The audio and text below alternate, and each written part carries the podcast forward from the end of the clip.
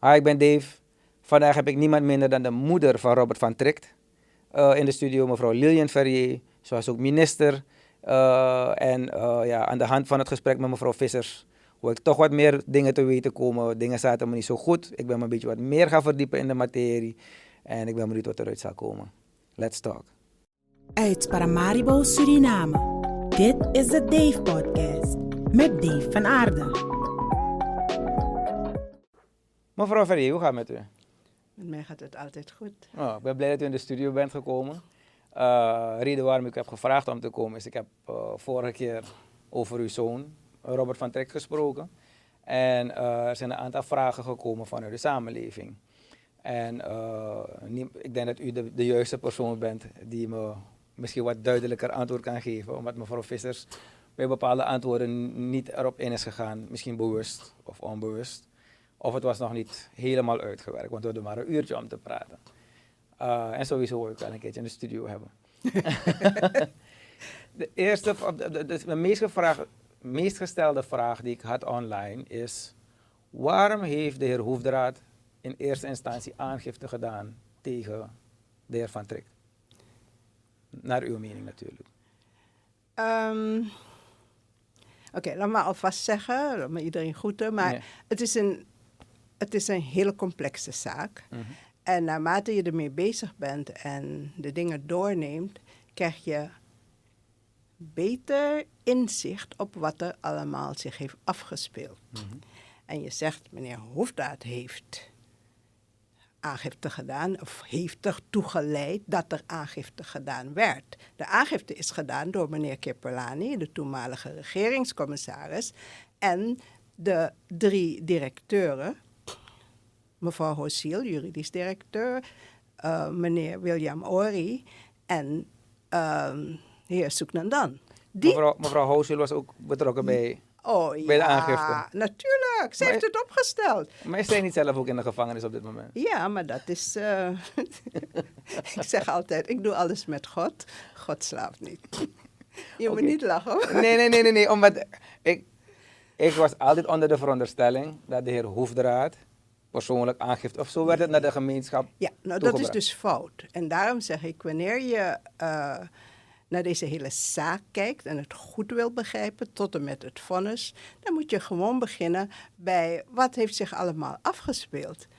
Afgespeeld die tien maanden dat mijn zoon governor is geweest bij de centrale bank. Mhm. En toen hij zei van, ik dien mij ontslag in vanwege verschil van beleidsinzichten. Want dat wordt ook vers- verzwegen allemaal. Ik wist niet dat dat woord. Ja, hij heeft zijn verslag. Hij heeft zijn ontslag ingediend. Het ontslag is geaccepteerd door de president. Want alleen de president van de republiek staat boven de governor. Ehm, nou, en toen begon die hetze. Begin januari begon die hele hetze. Maar, oh, oh, wacht, voordat we verder gaan met die hetsen.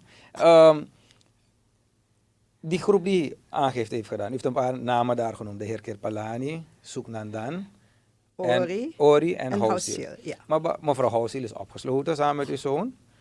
Maar die andere drie, zijn die nog steeds de mensen die dus betrokken zijn bij de centrale bank? Nee, nee, nee, nee, nee, want dat past ook allemaal in het scen- scenario. Eh, de twee directeuren, Housiel, eh, Ori en Soeknandan, die zijn per juli, dacht ik, van het afgelopen jaar eh, wel ontslagen. Nu pas. Ja. Pas. En Kepelani heeft ehm, in april 2021, nee 2020, bij het jaar van de verkiezingen, toen heeft hij bedankt Oh, Oké, oké. als oké. regeringscommissaris. Eh, laten we nog een stapje terug gaan. Oké, een Deze stap terug. vier mensen zijn door Hoefdaad aangesteld op, in maart, 1 maart 2019.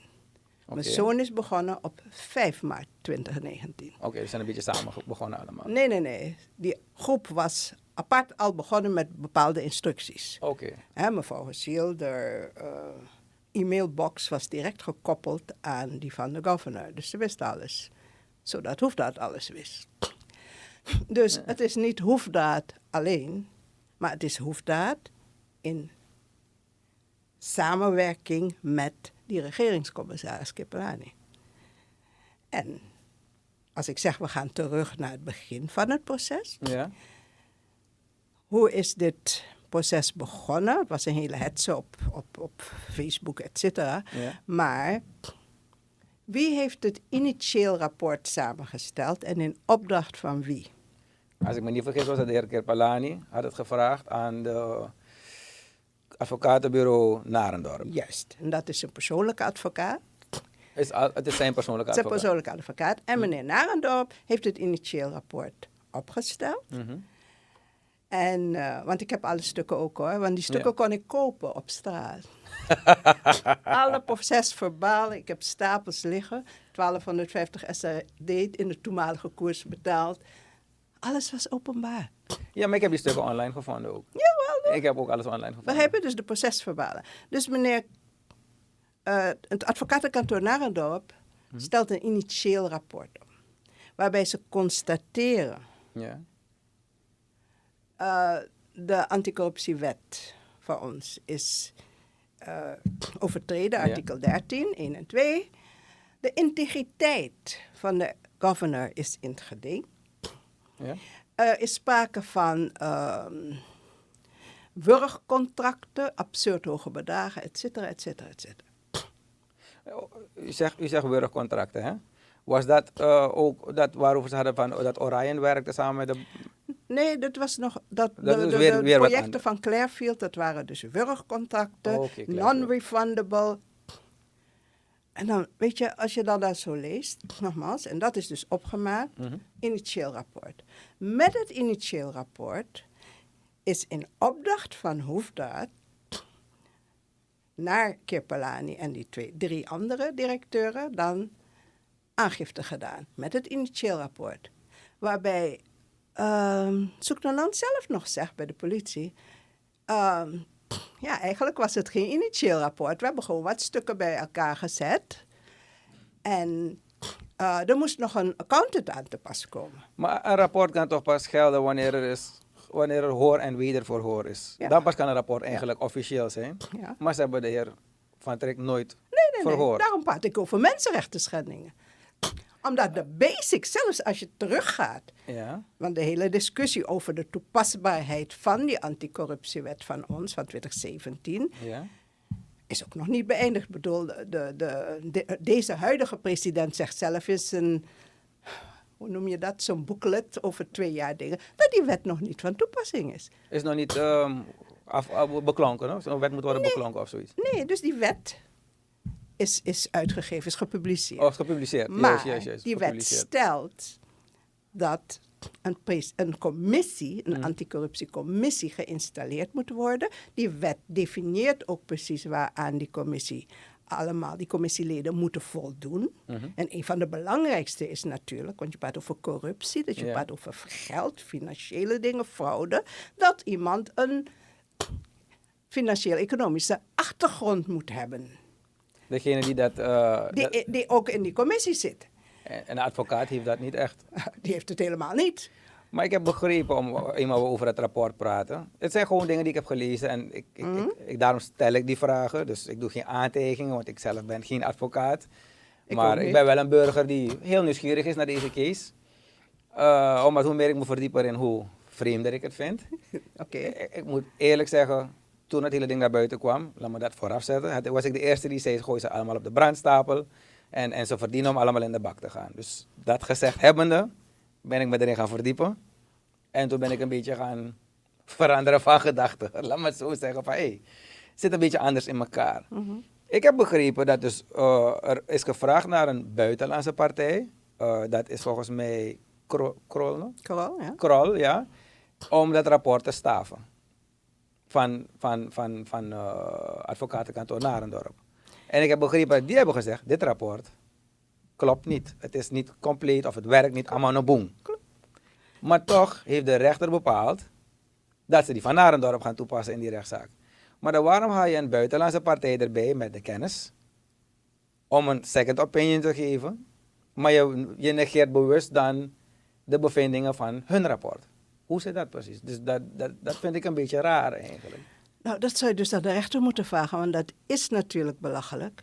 Nogmaals, je gaat geen oordeel, je gaat geen vonnis vellen, Mhm. waarbij je zelf nog in je vonnis zegt niets ten eigen bate. Dus hij heeft niks. Ja? Ook niet met opzet dat hij dingen eh, weggemaakt zou hebben. Of, hè? Dus men heeft kunnen aantonen dat hij zichzelf ook niet heeft verrijkt. Ja, dat staat in het vonnis. dat staat er zwart op Dat wit. staat er zwart op wit, niets ten eigen bate. Maar eh, je zet alle tegenbewijs Mhm.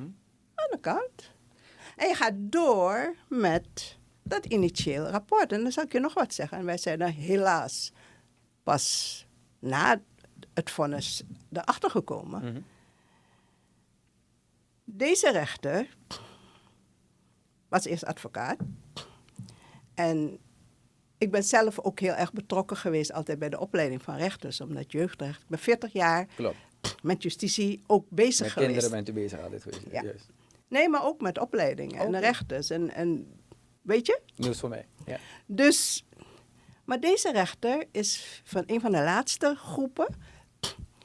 Die, je weet, er wa- was een tekort aan rechters en toen moesten er snel mensen eh, tot rechter die, die snelle opleiding volgen.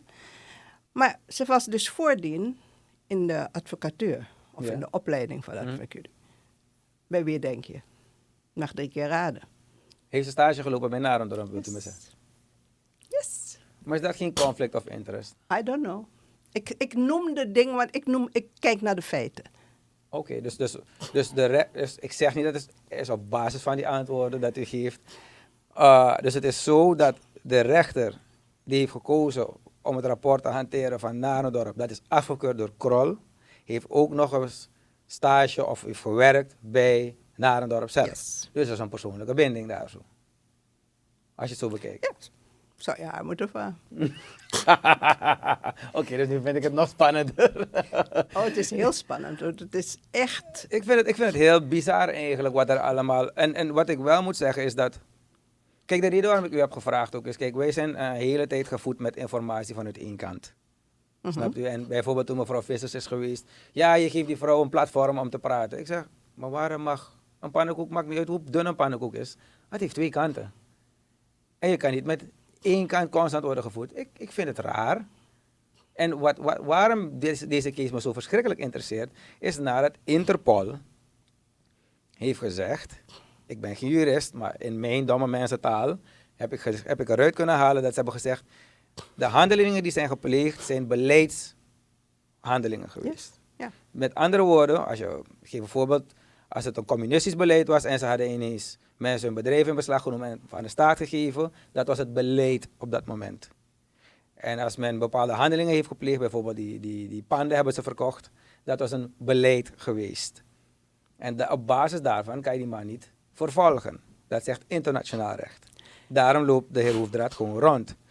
Maar dan heb ik iets van, als wij samen een tory hebben gedaan, als die man vrij mag gaan vanwege internationaal mensen die dus die kennis hebben van zaken, ik denk dat ze iets wat meer kennis hebben, onze eigen mensen niet uh, teniet gedaan, laat maar het zo zeggen. Uh, dan hoe kan het dat andere mensen wel dan moeten zitten? Wel, dat is wat we noemen gelijkheidsbeginsel. Mhm. Dat is Dus- ook een mensenrecht. Maar ook dat wordt overboord gegooid. Maar net wat ik, ik had het net over die drie spelers. En Ja. de rechter noemt ze spelers. En ze heeft bij het- de laatste zitting, dat was in december 2021, dus voor het vonnis, heeft ze zo gezegd van, ja, en ik zal zeker ook rekening houden met de drie spelers die niet aangehouden zijn. Maar En weet je hoe ze rekening heeft gehouden? Al die verklaringen van die spelers heeft ze juist benadrukt.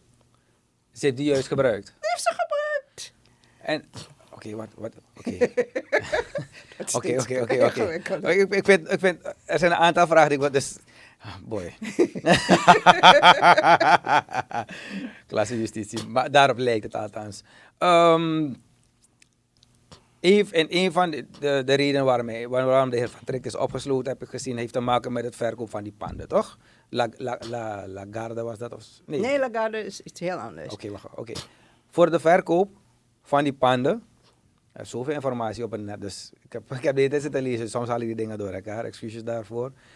Uh, heb ik gezien dat voordat hij die panden kon verkopen, is er een resolutie gekomen van de president, getekend. Uh, missieve van de Raad van Ministers. Dat wil zeggen dat alle ministers erover eens waren. Getekend door de heer Adin als voorzitter van de Raad van Ministers. En er is ook nog een, uh, contract geweest met de staat of zoiets. Ik kan me vergissen in het derde stukje, maar de financiële afdeling van de centrale bank had dat goedgekeurd. Yes. Die Na- zijn- de na- aangevers hebben ook getekend. Juist, hè? dus, dus, daar, dus daar hebben dus die aangevers getekend. Ja. Die drie spelers. Ja. Maar als zoveel mensen dus tekenen dat er een pand mag worden verkocht. En dan de heer Van Trik tekent uiteindelijk dat het pand wordt verkocht. En de heer Van Trik wordt daarvoor opgesloten. Ik zeg niet dat hij onschuldig is. Maar dan, hoe kan het dat die anderen dan niet zijn aangepakt? Als je vindt dat hij schuldig is, hoe kan het dat al deze mensen dan nog steeds geen problemen hebben? Moet je aan de rechter vragen. Je hebt zo net tussen mond en neus en lippen gezegd klassenjustitie. Maar eh, eigenlijk, als ik het bekijk, Mhm. het hele verloop, dan is het gewoon een scenario. Men heeft dus, nogmaals, ik ga terug naar het initieel rapport. Letterlijk, het initieel rapport is gebruikt bij de aangifte. Ja. De politie, die de aangifte opneemt, de OM, gebruikt letterlijk, ook de hoofdofficier, mevrouw Klein, gebruikt letterlijk diezelfde bewoordingen. En dan val ik erover en dan denk ik van, politiefunctionaris, de integriteit van de governor is in het geding. Op grond waarvan? Hoe heb je dat getoetst? Hoe heb je dat geconstateerd? Wie ben jij? Nogmaals, integriteit, je komt op mijn gebied. Ja, want ik heb ook iets gelezen van dat. eh, in het rapport, in het vonnis stond er iets van hij, hij heeft narcistische. Oh ja, wacht even. Kom straks maar, daar- maar er is geen psycholoog geweest. Nee, nee, nee. die nee. onderzoek daarover heeft nee, gedaan. Nee, Dus de, de- als de rechter zich waant dat zij kan beslissen over de noodzaak van de projecten, dan zit Mhm. ze dus bij de uitvoerende macht. De pro- projecten waren niet nodig voor Suriname. Dat beslist de rechter. Tweede, financieel-economisch, zegt ze allerlei dingen. Ze hebben die training nooit gehad. Ze beroept zich op de OAS anticorruptiewet, die Suriname inderdaad geratificeerd heeft in 2002. Daarna is er een, hier in 2014 een groot seminar geweest, waarbij alles is afgesproken, alle stappen die gezet moeten worden. Nou, je kan op de OAS-site gaan en dan zie je op een gegeven moment de politie. De politie is nu bezig met fraudetraining, toch? Ja, ja. Dat is een voortvloedsel uit het, het, het ratificeren van de anticorruptiewet. Maar een van de dingen die daar ook in staat, is dat de rechters getraind moeten worden. Als je helemaal geen benul hebt, en ik durf het gewoon te zeggen, want dat blijkt uit de zittingen van financiële dingen. Die vrouw wist niet eens, die vrouwen, want Ja. die, die hoofdofficier neem ik ook bij, wat de IFAC was. Wat is de effect? De IFAC is de International Federation of Certified Accountants. Het is de wereldorganisatie van de register accountants. Oké. Hè? En die heeft dus waarborgen en codes. En mijn zoon, omdat hij, hij is heel erg bezig geweest met de IFAC. Door hem zijn we ook eerst toegetreden tot de Caribische eh, organisatie van eh, Certified Accountants en daarna bij de Wereldorganisatie. En hij heeft die beroepscodes gebruikt als waarborg. Ook al die dingen, belangenverstrengeling. Nee, volgens de IFAC mag het. Weet je, dus er is geen belangenverstrengeling. Hij heeft alles heeft hij al ehm, neergelegd. Professor Diekman, die is hier. Mhm. En die zegt ook, ja, ik volg dit proces op de voet vanwege de beroepsgroep. Wie, wie is dat? Als ik Dat vraag? is de, een forensisch accountant. Oké, dat is weer een andere. Die is Ja, nog maar- een treetje hoger, kan je zeggen. Ja, Forensisch ook. Oké, ja, oké, oké. oké. Omdat hij maakt zich zorgen. Want als je zo omgaat met de codes van de registeraccountants, terwijl diezelfde anticorruptiewet dat voorschrijft, ook nogmaals in onze corruptiewet, anticorruptiewet staat, volgens mij is het eh, derde ding, dat er een onderzoek van de klad moet komen. Is dat er geweest? Nooit toch? Ik weet het niet. Dus, u, bent maar naar scholen, daarom ben ik stil. Dus- Nee. Of ik luister naar uw verhaal, laat me het zo zeggen. Er is nooit een financieel onderzoek geweest. Niet? Nee. Pas toen Kool kwam, maar dat was een, een, een jaar later. Ja. Maar Wie, wie heeft de krol erbij gehaald? Welke partij? Uw OM. partij? Nee, het, het het OM. Dus het OM die bezig is de heer Van Trik te vervolgen. Ik probeer het eventjes in een, in een samenvatting van de informatie die ik nu krijg. De OM zegt, het, het OM zegt, weet je wat, we halen krol erbij. Voor een second opinion. En na hun rapport zeggen ze, oké, weet je wat, die second opinion die zetten we aan de kant. En we gaan verder met het project, met, met, met het rapport, dus dat niet is goedgekeurd. Door hetzelfde OM. Dus, weet je, nee, ik- Jezus. Mijn oren zuizen een beetje, hoor, dus daarom... nee, nee maar daarom is het goed dat je, dat je deze, deze podcast hebt. Laat mensen weten hoe dingen lopen. Want eh, eigenlijk is het, ik zeg, ik zeg ook aan mijn zoon, ik zeg, don't worry. We gaan het verfilmen, man. Of je gaat een boek schrijven, want het wordt een bestseller. Want dit is zo een blunder. Het is de ene blunder op de andere. En nogmaals, het zijn de schendingen. Ja, en mensen en gezinnen lijden eronder. Want Vreselijk, mijn ja. zoon had, voordat hij governor werd, had een bloeiend bedrijf.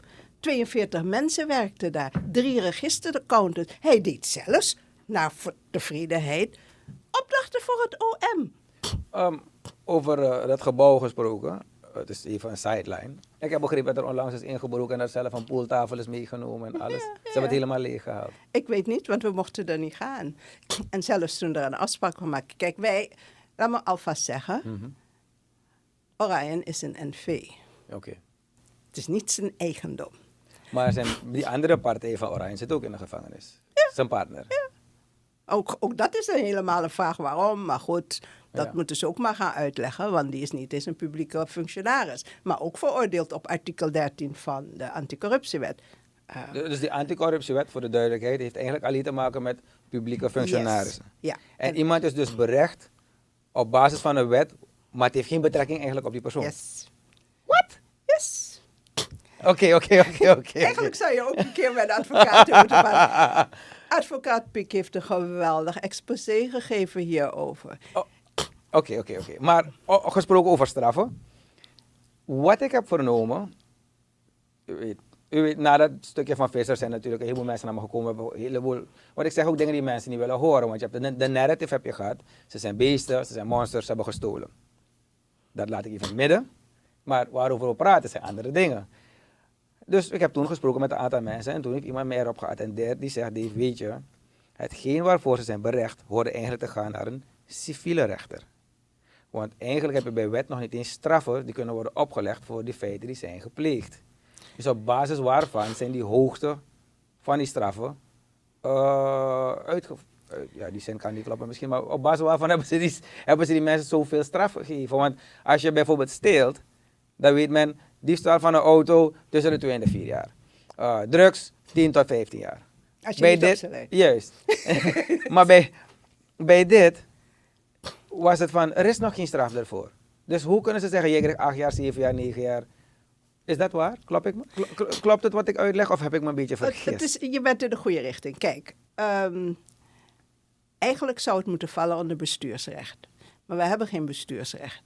Dus wat heeft het Openbaar Ministerie gedaan, en gedacht ze zijn dan heel vernuftig, is om wat niet strafbaar is, want ook in de bankwet is er maar één artikel, is artikel 21, wat een strafbepaling heeft, maar dat is hem niet aangerekend. Dus de artikelen waar ze over vallen, 16 en 18, eh, hebben geen strafrecht. Oh, dus hij is, hij is- veroordeeld voor artikel 16 en 18. Ja, maar dat zijn bestuursfuncties. maar ze hebben artikel 21 gebruikt om het te bekrachten. Nee, ze hebben dingen uit het wetboek van strafrecht genomen Mhm. om hem dan te straffen. Laat me, laat me je een voorbeeld geven wat, Ja. waar ik dan... Leg maar uit in klein geld. Money laundering. Ja. Wat is money laundering? Money laundering is als je illegaal verkregen geld ja. brengt in een circuit zodat het legaal wordt. Je, witwassen dus. Ja, dit Ja. was het. Nou, dat is dus een van de feiten die hem wordt aangerekend. Waarom? Dus luister goed. Ik, ik, ik grijp even terug naar wat, wat eh, Marie-Louise Visser al heeft uitgelegd over die contacten. Clairfield heeft een contact met de centrale bank. Oké. Ja? Clairfield spreekt daarbij af. Ja, maar voor accountancy werk ga ik een subcontact aan met NV Orion. Juist. De contacten liggen er. De afspraken zijn er. Dus. En Clairfield voelt, en dat is Lagarde, dat project uit, waarbij van tevoren het contact is afgesproken 50%, 50%. Ja? Oh, dat is die 635.000 euro die is overgemaakt op de, op de rekening van Oranje. Ja. Dat is eigenlijk een betaling dus geweest. Het is gewoon een betaling met een contact wat goedgekeurd is. Ook door de andere directeuren, door de juridische afdeling. Goedgekeurd. En dat werd dus gezien als een kickback. Als, als money laundering. Dat is maar. Nee, en wat staat er dan in het vonnis? Op een legale manier hebben ze illegale praktijken uitgevoerd. ik las die zin, maar wacht even. Dus ook op een legale manier hebben ze illegale praktijken Ja, want alles is transparant. Ik bedoel, Maar het is van bank naar bank overgemaakt. Dus het is niet dat het met een koffertje is gedaan. nee, maar dat kan je niet doen. Maar er, dus, er staat wel En- een contract er tegenover dat er een aanbetaling moest worden gedaan. Dus eigenlijk kunnen ze aantonen waarom die betaling is gedaan. Het is aangetoond. En ik weet nog zo dat.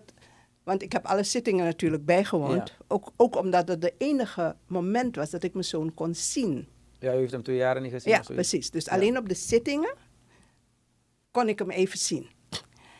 En ik heb ook alle zittingen vastgelegd.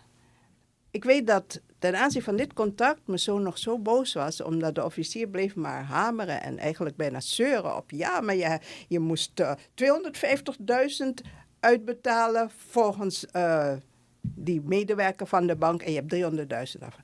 Dus mijn zoon neemt het contact. Hij gaat naar de toe. Hij laat het zien. Kijkt u wat hier is afgesproken. Hebt u misschien een Engels woordenboek nodig? Of wil u een tolk laten komen? Want hier staat 300.000. Maar ditzelfde ding. Het is drie keer tijdens de zitting, drie verschillende zittingen is het aan bod gekomen. En dan staat er gewoon weer in het vonnis dat, hij, dat, hij, dat het te veel is uitbetaald. Weet je, dat soort dingen. Dan denk je van, dat hele proces tot naar het vonnis toe, wat de rechter dan waarheidsvinding noemt, dat is gewoon een, ja, Zeg het maar. ja, ik weet niet hoe je het moet noemen, is aan scène gezet om het zo lang mogelijk te laten duren. Weet je hoe vaak de zitting is uitgesteld? Want dan was die nog niet klaar en dan moet je, rechter houden, moet je rekening houden met de, de, de werklast van de rechter. Ik bedoel, er is zoveel opzet geweest tijdens dit heel proces.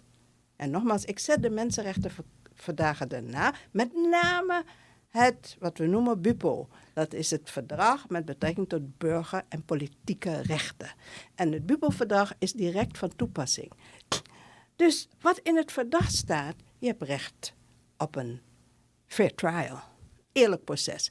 Nou, er is geen sprake hier van een eerlijk proces, omdat de basisvoorwaarde om te voldoen aan een eerlijk proces, en dat is het recht op hoor en wederhoor, je bent onschuldig tot bewezen is dat je schuldig bent. Nou, we zijn nu 2,5 jaar verder. Ik heb dat bewijs nog steeds niet. Maar al deze, al deze dingen die u zegt, hè, Mhm. dat kunt u dus wel aantonen. Ja. Nee, dus ik stel deze vraag, want het... het, het- het- Nee, maar we hebben het ook aangetoond. Er is de pleidooi van de advocaat is meer dan 80 pagina's, 80 A4'tjes. Wordt door de rechter gereduceerd tot een driekwart A4. Ze heeft alles overboord gegooid en ze gaat gewoon weer terug naar Natendorp. En daarom zeg ik, het is een, een voorbedacht scenario wat ze hebben uitgevoerd.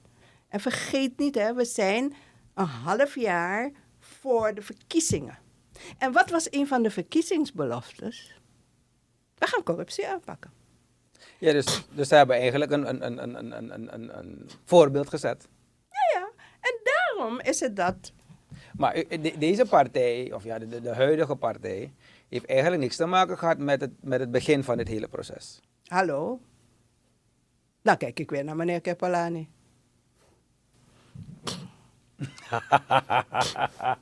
ja, je kan lachen.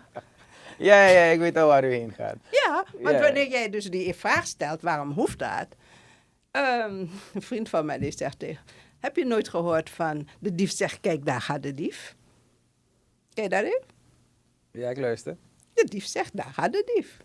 Maar dan is de aandacht op jou, maar niet op mij. That's the game. Eenmaal we het hebben over scenario's. Ik heb begrepen, mevrouw Vissers, dat is ook een vraag die was gesteld online, dus daarom vraag ik het. eh, had het gehad over, hij was bezig met het decolonisatieproces binnen de bank. En partijen waren daar niet, niet mee eens, of sommige mensen waren daar tegen. Welke partijen waren dat? Nou, ik wil het een beetje anders noemen, Ja. want ik bekijk het niet vanuit dat politieke Oh, ik wist niet dat het een politiek punt was. Dus, Dus de de vraag- dekolonisatie is een politiek punt. Ja. Want kijk, wat, wat heb je nu? Dat is dat eh, overal Nederlanders zitten. Zelfs het vonnis, daar zijn Nederlanders bij betrokken. Hallo? Oké, van wauw. wat Ja, nee, nee, nee, nee, nee, maar dus daarom is, kijk, ik, ik stel die vragen, want dit is gewoon allemaal informatie die ik nu binnenkrijg. Dus daarom ben ik meestal, meestal jam ik direct en ik spring in alles, maar voor mij is het ook nieuwe informatie. En ik hou van om naar de andere kant van het verhaal te luisteren, dan mag ik zelf mijn conclusie daarna Oké. nemen. Kijk, wat, wat, wat we- voor mij erg speelt met eh, waar mensen niet happy waren. Mhm. Ik weet niet of je je kan herinneren dat, volgens mij was het op 2 januari, dat een reporter aan, aan de governor vroeg van eh, waar de, de dollars van Chotalal vandaan kwamen. En toen heeft hij gezegd, moet je aan de president vragen. Ik heb begrepen dat daarom boos is geworden. Maar dus, dat is wat het verhaal is. Ja, maar dat, dat, dat zijn dingen die spelen. Toen, kijk, de euro's zijn aangehouden. Ja. Ja, hij is bezig. Hij gaat naar Nederland. Hij gaat eerst naar Brussel. Want alles wordt vanuit Brussel beslist. Nederland heeft niks te zeggen. Of de Nederlandse centrale bank. Je moet het eens zijn met Brussel. Alles gaat vanuit de EU. Dus mijn zoon gaat eerst met Brussel praten. En hij wijst daar op bepaalde dingen. Vervolgens gaat hij naar Nederland. En, sorry, ik moet... Mhm. Ja, ik ja. zet die micro, want ik wil het goed horen. Ik wil dat mensen het ook goed is. Daar. ik kijk in die microfoon, laat het goed horen. Uh-huh. En vervolgens praat hij dus inderdaad met de governor van de Centrale Bank van Nederland. Mhm. En hij wijst erop, ja, maar wij zijn een zelfstandige republiek. Jij moet met alles eh, toestemming hebben van de EU, maar wij zijn zelfstandig. En je komt eigenlijk aan onze integriteit. En op grond van die argumentatie Mhm. wint hij dus dat proces toen. Dat was december. Ik weet nog, en dezezelfde mensen die aangifte zijn gaan doen, ze hebben me gebeld. Hoe blij ze waren en hoe geweldig het was dat hij dat punt nu naar voren had gebracht. En toen was je ook minister natuurlijk. Ik was minister, ja. Ja, zo, ja. zo werd ik ook aangehouden. Hè? Mm. Dat hij dat eh, naar voren had gebracht. Die banken, van die, die worden vervolgens, want Nederland gaat dan in cassatie. En, Ja. Want Hoefdaad vond toen, nee, hij gaat het verder doen. Ja, dus, dus de centrale bank heeft dat proces toen gewonnen. Maar de overheid of de regering gaat het verder doen. Maar waarom gaat de overheid het overnemen terwijl je al een winning team hebt? Dat moet je Aan- die vragen. Dat moet je aan vragen. Er, dus er zijn veel dingen geweest. Beetje ego ook erbij. Van Hoefdaad zeker. Want op een gegeven moment ga je inderdaad vragen van, ik bedoel, het zijn kleine dingen, maar ze tellen wel mee. In september Ja. Moet er een speech gehouden worden voor de ehm, Islamitische Staten. Mhm. Ja, want we zijn van de OIC zijn we ook. Ze vragen niet Hoefdaad, ze vragen Van Trikt. En Van Trikt scoort. Weet je, het zijn allemaal kleine dingen. In de politiek is dat belangrijk natuurlijk. Ja. Begrijp je? Dus Ah, dat soort dingen hebben eigenlijk vanaf oktober zijn ze mee gaan spelen. Maar goed, laat dat is de sideline. Oké. We gaan terug naar. Dat proces dat, dat, waarmee men niet blij was. Die 19 miljoen case hebben we gewonnen. Ja, En toen zei Hoefdraad, mi oteke abrano, ja, want oké, dat was dus te veel één, gepresteerd. Die banken, Mhm. die staan dus als verdachten genoteerd bij het OM in Nederland. Nog steeds, heb ik begrepen. Yes. Ja, ja, ik Ja, heb, er zijn eigenlijk onderzoeken ook gaan. Juist. Maar mijn zoon, zo zijn wij, Hm. We zijn oplossingsgericht. Dus toen hij zegt van dat ding loopt niet, Mhm. toen is hij, en dat was in juli al, heeft hij voorbereid om rechtstreeks naar de eh, centrale bank van Amerika. Amerika te gaan. De Fed. De Fed. Ja, Juist, juist. En ze hebben ook nog geluk om geld daar te krijgen voor het eerst in zoveel jaar. Ja. Ja, klopt. Want klopt. hij voldoet aan alle, die, wat ze noemen die due diligence, hij voldoet aan al die voorwaarden. Dus de buitenlandse centrale bank van Amerika heeft hem gecontroleerd. Yes, Due diligence. Yes. Of, of, de, of de organisatie. yes. En die hebben gezegd, wij zijn wel bereid om jullie dollars te geven. Yes. En toen zijn er inderdaad de eerste zending is gekomen. Nou, ze waren aan mij diezelfde mensen die aangifte hebben gedaan. Minister, dit is toch, je moest zo'n gezicht te zien. Weet je, aan die cafés timen. Ja. Hoe blij iedereen was, want het was gelukt. En ik vraag aan mijn zoon, want ik bemoeide niet met zijn beleid. Dat was een afspraak, maar ik vraag... Zijn toch niet voor de cameo's? Nee. Het is voor de centrale, voor de commerciële banken om de, de Surinaamse munt te gaan versterken. Weet je? Dus, Ja. Oké. Nou zitten we weer bij de regeringscommissaris die vindt, ja, hij moet ook dollars krijgen. En mijn zoon zegt, nee, ik krijg niet. Weet je? Kunt u dat herhalen? Kunt u dat herhalen? Is uw verhaal. Nee, dit is uw verhaal, maar ik wil het nog een keer horen. Vertel. De regeringscommissaris die vindt dat hij ook dollars moet krijgen. Op dat moment was de regeringscommissaris de heer Kirpelani. Ja, Oké, ik hoor even voor de duidelijkheid Ja, hoe, ja. het, hoe, het, hoe het zit. Hij moet ook dollars krijgen. Nee, het is niet daarvoor bestemd. Dat ding had een bestemming. Oké. Be- Begrijp je hoe dingen wrijven? Want daarom is het heel belangrijk dat je weet wat er zich vooraf heeft afgespeeld. Enfin. Dus het was niet voor de cambio's. Voor de commerciële banken. Er komt een tweede zending, idem dito. Maar hij krijgt dus niet de kans, want als de cambio's... Hè, maar nou, daarmee haal je dus een heel stuk illegaliteit weg van die cambio's. Want die maakt allemaal winst. Begrijp je? Als je nu rechtstreeks de banken kan voorzien en de mensen kunnen gaan wisselen, want dat was het. Je wil, je wil terug naar een stukje normalisatie, dat jij of ik bij de gewone bank ook aan je dollars kan komen. Daarvoor waren die dollars. Het was niet voor cambio's en dingen. Die, die, die, uh, of- hoe we het hebben over dollars, Ivan Sideline. Ik sprak net met een mat Ivan, we hebben eerder een andere podcast opgenomen. Hij zei het mooi. Hij zegt, alle cash dollars in Suriname komen uit het illegale circuit eigenlijk. Yes. Want eh, als, je, als je hout verkoopt, niemand stuurt een koffer met geld naar Suriname. Het wordt overgemaakt. Dus eigenlijk al die dollars, die lala dollars die op straat zijn, komen uit de illegale circuit. En dus door dit te doen eigenlijk, dan ga je schoppen tegen de schenen. Juist. Ah, oké, oké, oké, oké. En onderschat het illegale circuit niet. Het is onvoorstelbaar. En mevrouw Van Dijk Silos met het anticorruptie, met het, het vers- rapport, wat hij ook, hè, hij heeft het eigenlijk bespoedigd. Hij heeft erop gestaan dat die werkzaamheden in die tien maanden dat hij governor was, dat die dingen op gang gebracht werden. Was de koers gezakt in die periode? Nee, de koers was constant. Was constant. Ja, de inflatie was 4,2 procent. De inflatie eind december 2019 was 4,2 procent. Als je de centrale bank balansen bekijkt, want ook daar heeft de rechter helemaal geen s'nachts van begrepen. Mijn zoon heeft college gegeven om er aan te geven dat bepaalde reserves nog steeds hetzelfde was. Voor voor mij een bedrag van 648 duizend, weet je, of miljoen. Constant was. Heeft het Ja, maar ik heb wel begrepen, uh, voor het constante stukje was het ook dat men had gezegd dat alle banken hun reserves uit het buitenland moesten halen. En moesten Dat is bij daarna de... gebeurd. Oh, dat is daarna gebeurd. Ja. Zat de heer Van Trek toen al vast, toen dat is gedaan? Ja.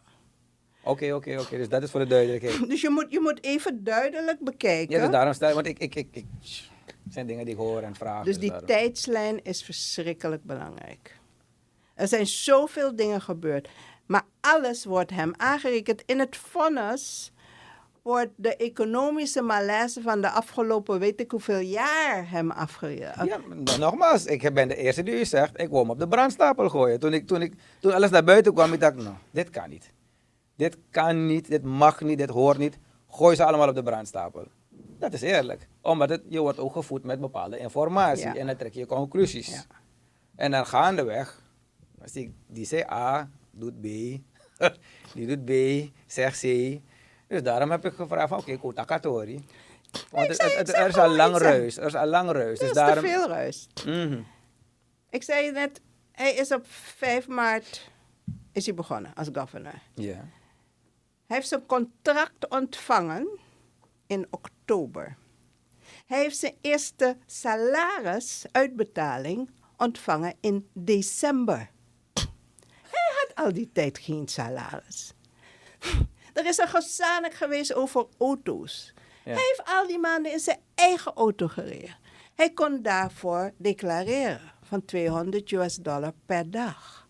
Hij heeft nooit gedeclareerd. Over je auto gesproken. Ik heb begrepen dat in het vonnis ook heeft gezegd, eh, is gezegd, hij had anti, geantidateerd of zoiets. Toch? Zoiets. Ja, dus de, Maar, maar, maar eigenlijk is het, die datum was gebracht met TWK. Want eigenlijk hoorde iets al in te gaan tegen een bepaalde periode. Ik zeg het een beetje verkeerd misschien. Die wagen was waarschijnlijk, ik geef een voorbeeld hoor, die wagen drie maanden. Toen is er een probleem gekomen op Facebook. Dus die gezegd, weet je wat, ik wil een lening nemen bij de bank. Ik gooi het in kleingeld natuurlijk. Ik wil een lening nemen bij de bank. Maar dan moet ik dus al betalen vanaf de periode dat ik die wagen heb aangeschaft. Dus zet het maar op die datum, zodat ik voor die hele periode kan betalen. Maar dat is, die handeling is dan gezien als antidatering. Zeg ik het verkeerd? something like that. Laat me het goed uitleggen. Ja, doe dat alsjeblieft. In het contract, Mhm. elke governor heeft recht op een auto. Want het is niet bedoeld dat je je auto, eigen auto rijdt. Oké. In juni Ja, is het toen door de centrale bank aangeschaft, die Lexus. oké. Maar mijn zoon is lang, hij heeft lange benen, dus hij heeft van de benenruimte te. Hoofddaad zegt, geen probleem, we nemen die auto terug. Toen ex-president Morales kwam in Suriname, is die met die auto opgehaald. En de auto gaat naar eh, DNV. Oké. Dus toen had hij, wilde hij een andere auto en hij zei, ik wil die Range Rover. Dus die Range Rover is door de centrale bank in augustus eh, georderd. Die order is, is uitgegeven met alle dingen. En de heeft ook gewoon getekend voor eh, invoerrechten en dingen. Want hij was voor de centrale bank benoemd, be- be- eh, bestemd. Ja, ja, ja. Die auto is in, in december aangekomen. Ik heb letterlijk één keer in die auto gereden. Oké. Nou, maar in december heb je dus het hoogtepunt van alle jugo, jugo, jugo, jugo. Mijn zoon gaat met ontslag. En hij zegt, ja, dan wil ik die auto toch kopen. En toen heeft eh, mevrouw Geduld, zij was directeur van de centrale bank, die heeft gezegd van ja, maar er is een fonds van de bank, het is een stichting, huisvestingfonds. Dus ga via, koop het via die stichting. Ja. Dus dat proces is toen ingezet, dat hij het zou kopen. En toen heeft hij, heeft, hij heeft eigenlijk op, volgens mij 10 januari heeft hij aangegeven van, ja, oké, die auto is van mij. Het gaat niet meer Ja. naar de governor, maar dan is het mij ook. Die auto is dus besteld door de centrale bank in augustus. Dus hij zou dat inderdaad terug moeten betalen. Maar ja, en dan nogmaals, diezelfde meneer Kepalani in zijn, in zijn procesverbaal. Ja, maar hij heeft nooit betaald. Hoe moet je betalen als je niet eens je salaris hebt ontvangen? Weet je, dus je, je leest, als je die procesverbalen leest, dat is, een, is gewoon een ander, ehm, ja, hoe moet je het zeggen, comedy caper of wat. Want ja, nee, dus ik, ik ben een beetje stil omdat ik die informatie die u me geeft, laat, ik, moet, ik, ik moet even laten bezinken toch, je weet toch. Dus, want ja, kijk, het is ook eens een schril contrast met de informatie die mij is gevoed. En op een gegeven moment wanneer je bepaalde informatie binnenkrijgt, is het ook moeilijk om, om nieuwe informatie in je op te nemen. nee, ik heb er alle begrip Dus- voor. Want Dus snapt u wat ik bedoel? Want als iemand constant is geverfd, hij is zwart, hij is zwart, hij is zwart, hij is zwart, en nu blijkt hij een bakker te zijn. Dat- dat- ik zeg niet dat het zo is, maar het, is... Ik moet het ook even verwerken. Laat me, laat, me- laat me het daarop zetten. dat is wat Marie-Louise dus disinformatie Ja. noemt. En nogmaals, doordat het steeds herhaald is geworden, Mhm. gaan mensen dat inderdaad geloven. Hè? Ja. En het is, wij hebben nooit de kans gehad Eh, om, ja. het, het- om het tegengestelde aan te geven. Want nogmaals, er is helemaal geen sprake van ehm valsheid in geschriften. Maar oké. Ik ga niet in de stoel van de rechter, dus die dingen kan ik niet... Nee, eh, precies, laat de rechter. Maar, maar, maar ehm.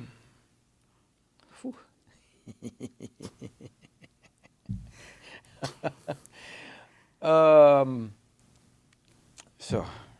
Ik zou u een vraag stellen, maar u zei toen wat. En oké, okay, in geschriften. Even hoor, ik- mijn mijn hoofd eruit echt over te horen hier. Dus u moet me niet kwalijk nemen. Het is allemaal zo een beetje overwhelming, laat me het zo zeggen. Eh, bijna, bijna moeilijk te geloven. Eerlijk gezegd, dit is Suriname gebeurd. Daarom ben ik zo blij met je podcast. Het is, het En we het moeten het ook niet in Suriname houden. Laat de hele wereld weten wat er in Suriname gebeurt. Daarom heb ik onlangs met die CARICOM Head of States Mhm. die eh, informatiesheet gegeven. Alle media internationaal en ook persoonlijk aan bepaalde CARICOM-leiders. Mia Motley, die ken ik dus toen ik minister was. Hier, dit is wat er gebeurt. En dit alles kunt u dus aantonen op papier. Natuurlijk. Ik zeg niet zomaar dingen. Nee, nee, nee, nee dus Want daarom, dus dat, vind ik zo erg. Dus, dan praat je over feiten en procedures. En die, die rechten die staan er toch?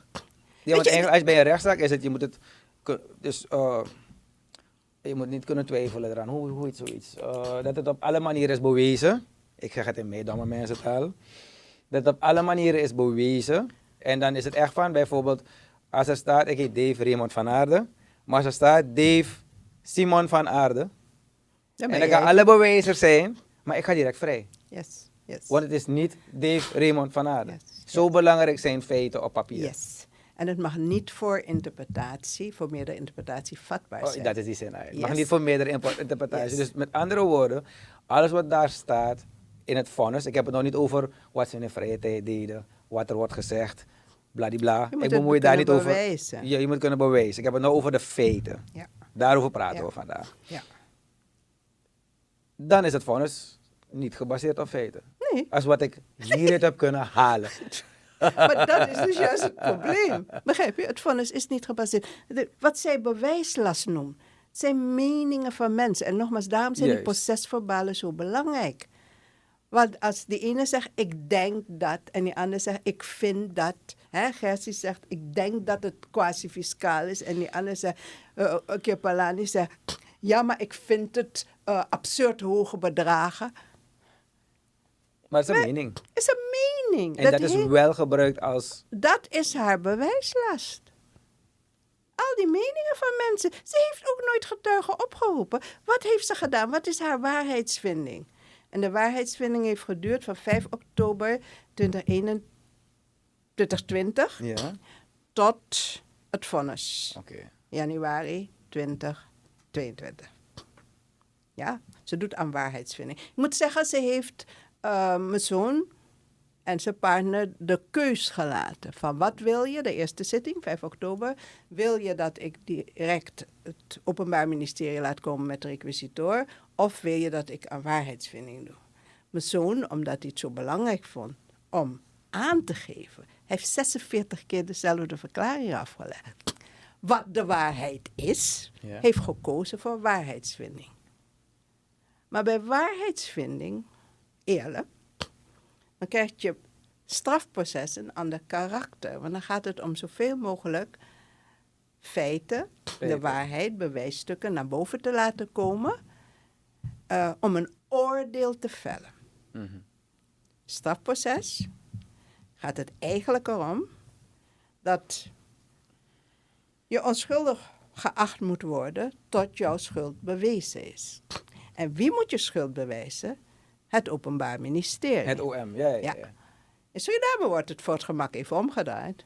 Je bent schuldig en jij moet nou bewijzen dat je niet schuldig bent. Maar heeft hij zijn onschuld wel kunnen bewijzen naar uw mening? Tuurlijk. Want hij heeft alle bewijzen toch? En nogmaals, Kool bevestigt dat. Er is niks mis met... Ik bedoel, En Krol is binnengehaald door het OM. yes. Dus ik, dus ik wil het herhalen. Ik heb ook nog de Krol brief. bevestigt dat het OM niet moet werken met een bepaald rapport. Die geeft Oké. aan, er is, er is eh, non-refundable, is internationaal gangbaar. De, de contracten zijn geen wurgcontracten voor de dingen. Weet je wat ze hebben gedaan, wat, het, wat de rechter toen heeft gedaan? De rechter is toen gaan kijken naar eh, de doelmatigheid. Maar dat was niet in vraag. Want als ik met jou een pro- project afspreek en jij zegt, maar het project gaat acht maanden duren Mhm. en gaat zoveel kosten en ik wil zoveel voorschot. En elke keer als ik een, een deliverable heb, ik heb iets opgeleverd, dan betaal je me zoveel. Dat zijn de contacten die keurig netjes ook internationaal zijn opgemaakt. Ook ondertekend weer door al die andere directeuren, toch? Die aangifte hebben gedaan. En al die dingen die zijn ondertekend, heeft u daarvan bewezen? Ja, want ik heb ze. Nee, dus ik stel deze vragen, want ik verwacht al een barrage aan vuur over mijn hoofd komen. Dus daarom, als ik naar u ren voor die stukken, heb ik ze nodig. hoor. Ja, nee, ik kan ze laten zien dat ze Ja, hebben ja, getekend. Begrijp je? is het, waarom heeft u ze nooit gepubliceerd? Waarom heb ik ze nooit gepubliceerd? Twee dingen. Eén, ik moet mijn zoon beschermen. Want het OM zou mijn zoon moeten beschermen. Dat is ook een van de functies, ook van een van de dingen die uit de mensenrechtenverdragen komt. Maar het Maar- OM heeft het juist gebeurd. Maakt u zich zo- zorgen over de veiligheid van uw zoon? Oh ja, en zeker in het begin. Want ik heb, ik ken toevallig wat mensen, je weet toch, vogeltjes fluiten. Ik heb begrepen, want mevrouw Vissers zei, Vissers zei dat toen de heer Van Trek was opgenomen in het ziekenhuis, dat hij heel streng werd bewaakt. En toen ben ik een beetje rond gaan vragen, want ik ken misschien wat mensen in het ziekenhuis werken. En die zeiden, die mannen zaten gewoon vier man met machinegeweren waren in zijn kamer. Is dat gebaseerd op waarheid of Ja, dat is zo. het is niet overdreven wat ze zeiden tegen mij? Want hij zou wel eens kunnen, hoe noem je dat? Eh, Vluchten. Maar hij lag half dood daar. In, oh, oh, oh. Hij was aan het infuus. Ze wilden met infuus en dan wilden ze hem nog vastbinden aan het bed. Dat is waar- recentelijk gebeurd. Maar waarom, waarom ga je vluchten? Jij bent in je recht, je wil je recht bewijzen. En daarom, willen we nu, daarom zijn we dus nu internationaal bezig. Want ik geloof niet meer in die rechtsstaat van Suriname met dit OM en deze... Maar kan het vonnis worden teruggedraaid? Nee, we moeten in hoger beroep. Maar dus die acht jaren, om daarop even te komen, want hij zit nu twee jaar en heeft nog zes te gaan. Als ik me niet vergis. Hij zit 2,5 jaar. Tweeënhalf, Mm. oké. Ja, de tijd vliegt voor ons, maar voor hem dus duidelijk niet. Ehm, u was daar in de rechtszaal. Wat ging er nu om op dat moment, toen u hoorde hoe hoog de straf zat? Ja, belachelijk is. Want Zag u nogmaals, dat aankomen? Zo'n hoge straf? Ja, dus al bij die eis van het OM denk je van wat gebeurt hier? Waar is dit op gebaseerd? En nogmaals, ik praat niet zomaar over scenario's. En hoe meer je erin gaat verdiepen, hoe meer je ziet dat het scenario, en dan praat ik niet eens meer door Hoefdaad, maar door die ander en door die hele entourage van die ander, want die zaten ook altijd bij het gesprek. Hè? En ja, mijn zoon is Weet je, hij wil iedereen een kans geven. Hij is open en transparant. En juist omdat hij zorgt voor die transparantie, is het zo makkelijk om hem Een hak te zetten. van alles en dingen te... Als je ziet brieven die geschreven zijn tussen Hoefdaad en Kepelani. Uh, komt het op neer, eh, kan je nagaan wie heeft zijn vakanties betaald? Wie heeft de studie van hem betaald? Kunt u die dingen aantonen? Heeft Ja, die ik heb brieven? die brief. Ik heb het ook voor je gebracht. Oké, nee, nee, nee, nee, nee, want het, het moet niet zijn dat u... Ik moet het kunnen staven, toch? De dingen die, die u zegt. Maar mijn zoon heeft alles zelf betaald. Altijd. Omdat het niet nodig was. Begrijp je? En weet je hoe, wat, wat je dan vreselijk dwars zit of irriteert? Wanneer die rechter dan komt met haar lijstje van persoonlijkheidskenmerken. Hij is een machtwellusteling, hij is een eh, egocentrisch. En, eh, die ze dan uit dat anticorruptieverdrag haalt. Maar zonder een deskundig rapport. Wie de hel denk je dat je bent? Want het, voor mij begint dat al bij Narendorp. Ja. Je bent jurist. Met Een jurist die economisch rapport heeft uitgebracht. Ja, zonder een, een Hebben accountant. ze, hebben ze accountant erbij gehaald? Nee, Is wel... de accountant is er nooit bij gehaald. Oh ja, nee, ik vergis me. Wacht even. Dus- Tijdens, dus, dus, want je had het over, zo net vroeg je me of ik me ooit zorgen had gemaakt over zijn Veiligheid. veiligheid. Ja.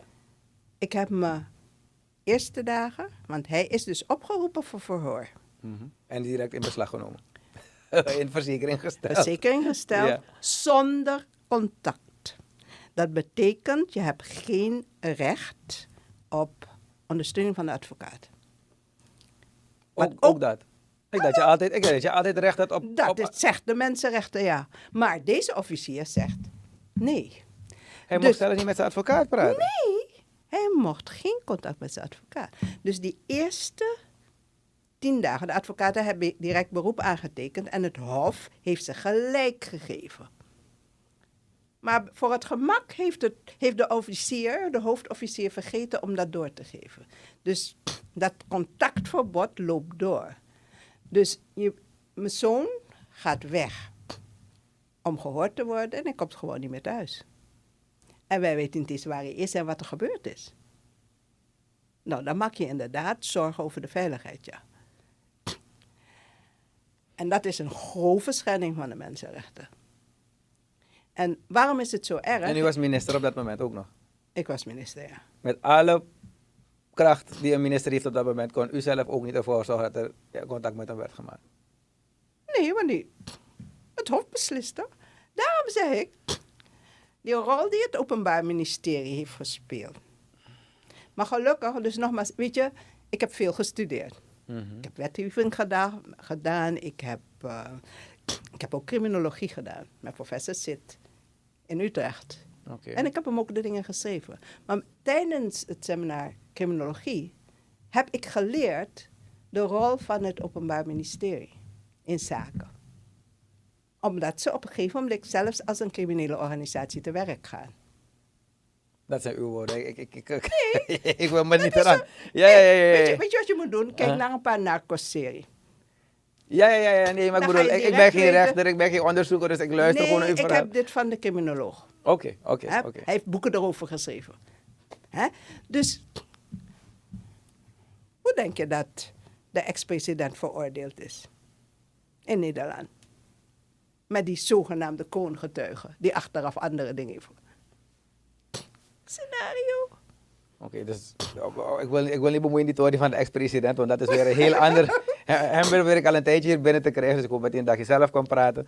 Ehm, Nee, maar dus, dus Ja. nogmaals, dat, is, dat scenario is zo opgezet. Dus toen heb ik me echt wel zorgen gemaakt. Ja. Want het is een grove mensenschending. En nogmaals, het gevolg daarvan is, kijk, je wordt aangehouden en dan moet je binnen acht dagen moet je bij de rechtercommissaris komen. Die gaan gaat kijken of je aanhouding wel wettig is. juist. Maar mijn zoon is nooit met de politie in aanraking gekomen. Die weet, weet ook van deze dingen helemaal niks. Heeft geen bijstand. Dus dit alles gaat aan hem voorbij. Hoe lang heeft hij geen contact met zijn mensen gehad in totaal? Hoe lang is die periode geweest? Ehm, dus die in, van 16, 10 dagen. En je hoort acht dagen. Ja, Dus dus hij, was, maar- hij was al bij de rechtercommissaris geweest. Dus op artikel 54a, vi- artikel 54a van het wetboek, dan gaat die, die rechtercommissaris kijken van is er twijfel, is er... Daar heeft hij geen aanspraak op kunnen maken. Want hij, de verdediging mocht niet bij hem komen.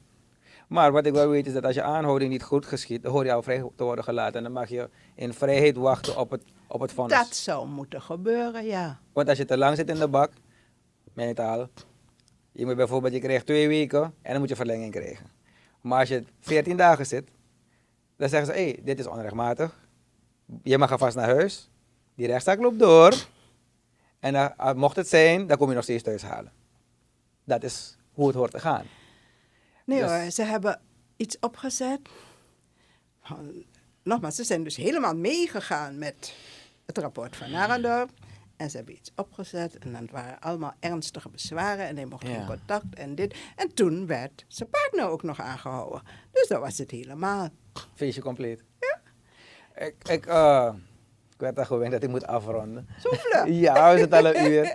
Dus, eh, maar ik denk dat u heel duidelijk bent geweest in alles wat u hier heeft eh, gezegd. Eigenlijk, ik, eh, ik moet die informatie ook nog tot me laten bezinken. Eh, ik heb ook wat antwoorden gekregen. Ik hoop dat de mensen ook wat hun eigen mening natuurlijk hieruit mogen halen, hun eigen conclusies. Ik vind het wel heel raar wat er allemaal gebeurt. Ik wil niet zeggen wie wel en niet schuldig is.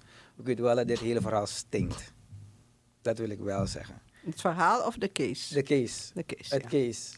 Het case, jezus. Sorry voor mijn Nederlands. Nee, Jezus helpt ons. Nee, nee, nee, nee, Heel- maar- Jezus is mijn iets- rechter. Iets klopt hier totaal niet. Dat durf ik wel te zeggen. Nee, het is een politieke case. Mhm. Nogmaals, neem mee de verkiezingen in aanzicht. Neem mee de zogenaamde verkiezingsbelofte van de huidige regering dat ze corruptie gaan aanpakken. Neem in het vervolg daarvan mee hoe vaak de president zich niet heeft geuit over. En ook al heeft de centrale bank zelf gepubliceerd dat er niets gestolen is? Dat is gepubliceerd. Het is gepubliceerd, ik zou je het ook geven. Dus, dus in die campagne zijn er onwaarheden verteld. Er zijn, nee, er zijn... ehm, Voor verdraaiing van, het, van de realiteit. Nee, er zijn eh, zaken genoemd die zij zouden aanpakken. En deze zaak van mijn zoon is dus het bewijs dat ze corruptie aanpakken. Mhm. Daarom gaan ze ook zo ver. taal. Ja, ja, ja. Ook met die verbeurdverklaring. Ja.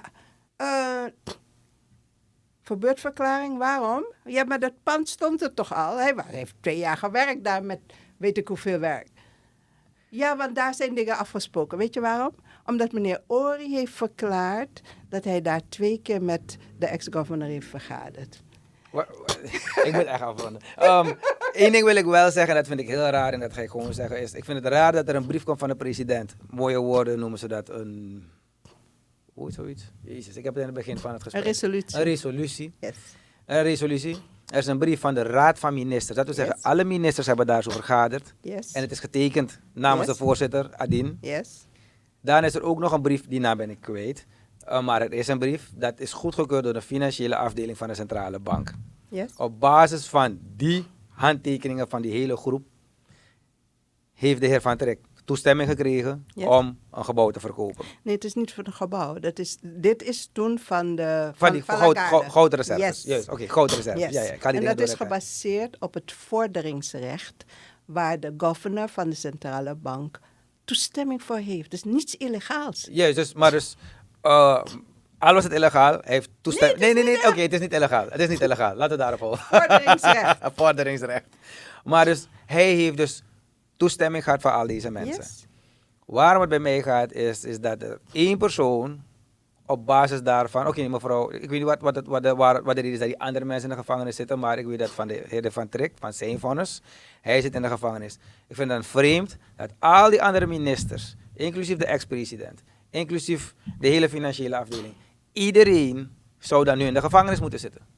Als men vindt dat de heer Van Trek schuldig is. Want ze zijn allemaal betrokken bij die zaak.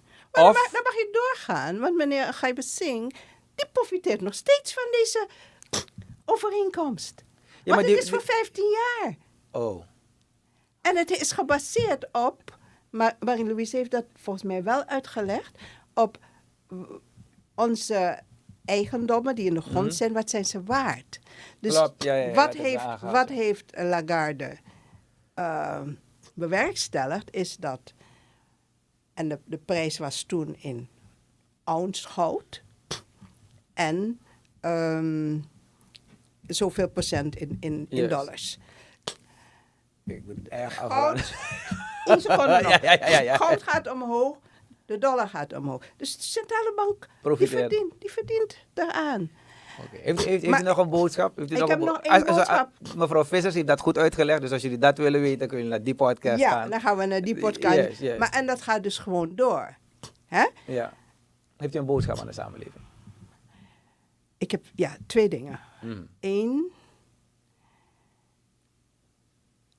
we zijn erg geschaad door al die valse berichten, mensen die niks weten van horen zeggen en ze geven dingen door. En, en ik denk van, wie ben je? Je kent ons niet eens. En zo ook, ook DNA-leden. hè. Door meneer Yogi is tekeer gegaan en ik denk van, kijk naar jezelf. Mhm. Hè? Laten we toch voorzichtig zijn wanneer we denken oordelen uit te spreken over anderen die we niet eens kennen. Gewoon om mee te praten. Dat moeten we niet doen. Twee, nogmaals, bij mij zijn de mensenrechten hoog in het vaandel. En ik denk dat het belangrijk is dat we veel meer vanuit die optiek kijken naar wat er met de mensen gebeurt. Nogmaals, Suriname is op het ogenblik,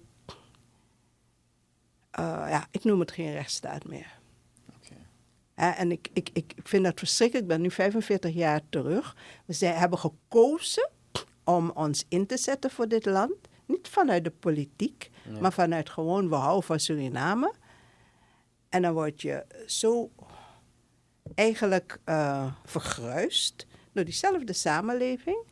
en de instanties die je moeten beschermen, zoals het Openbaar Ministerie, die gebruiken het vergruizen juist als argument, hè, want het zijn ernstige feiten en ernstige bezwaren, om je nog harder te straffen.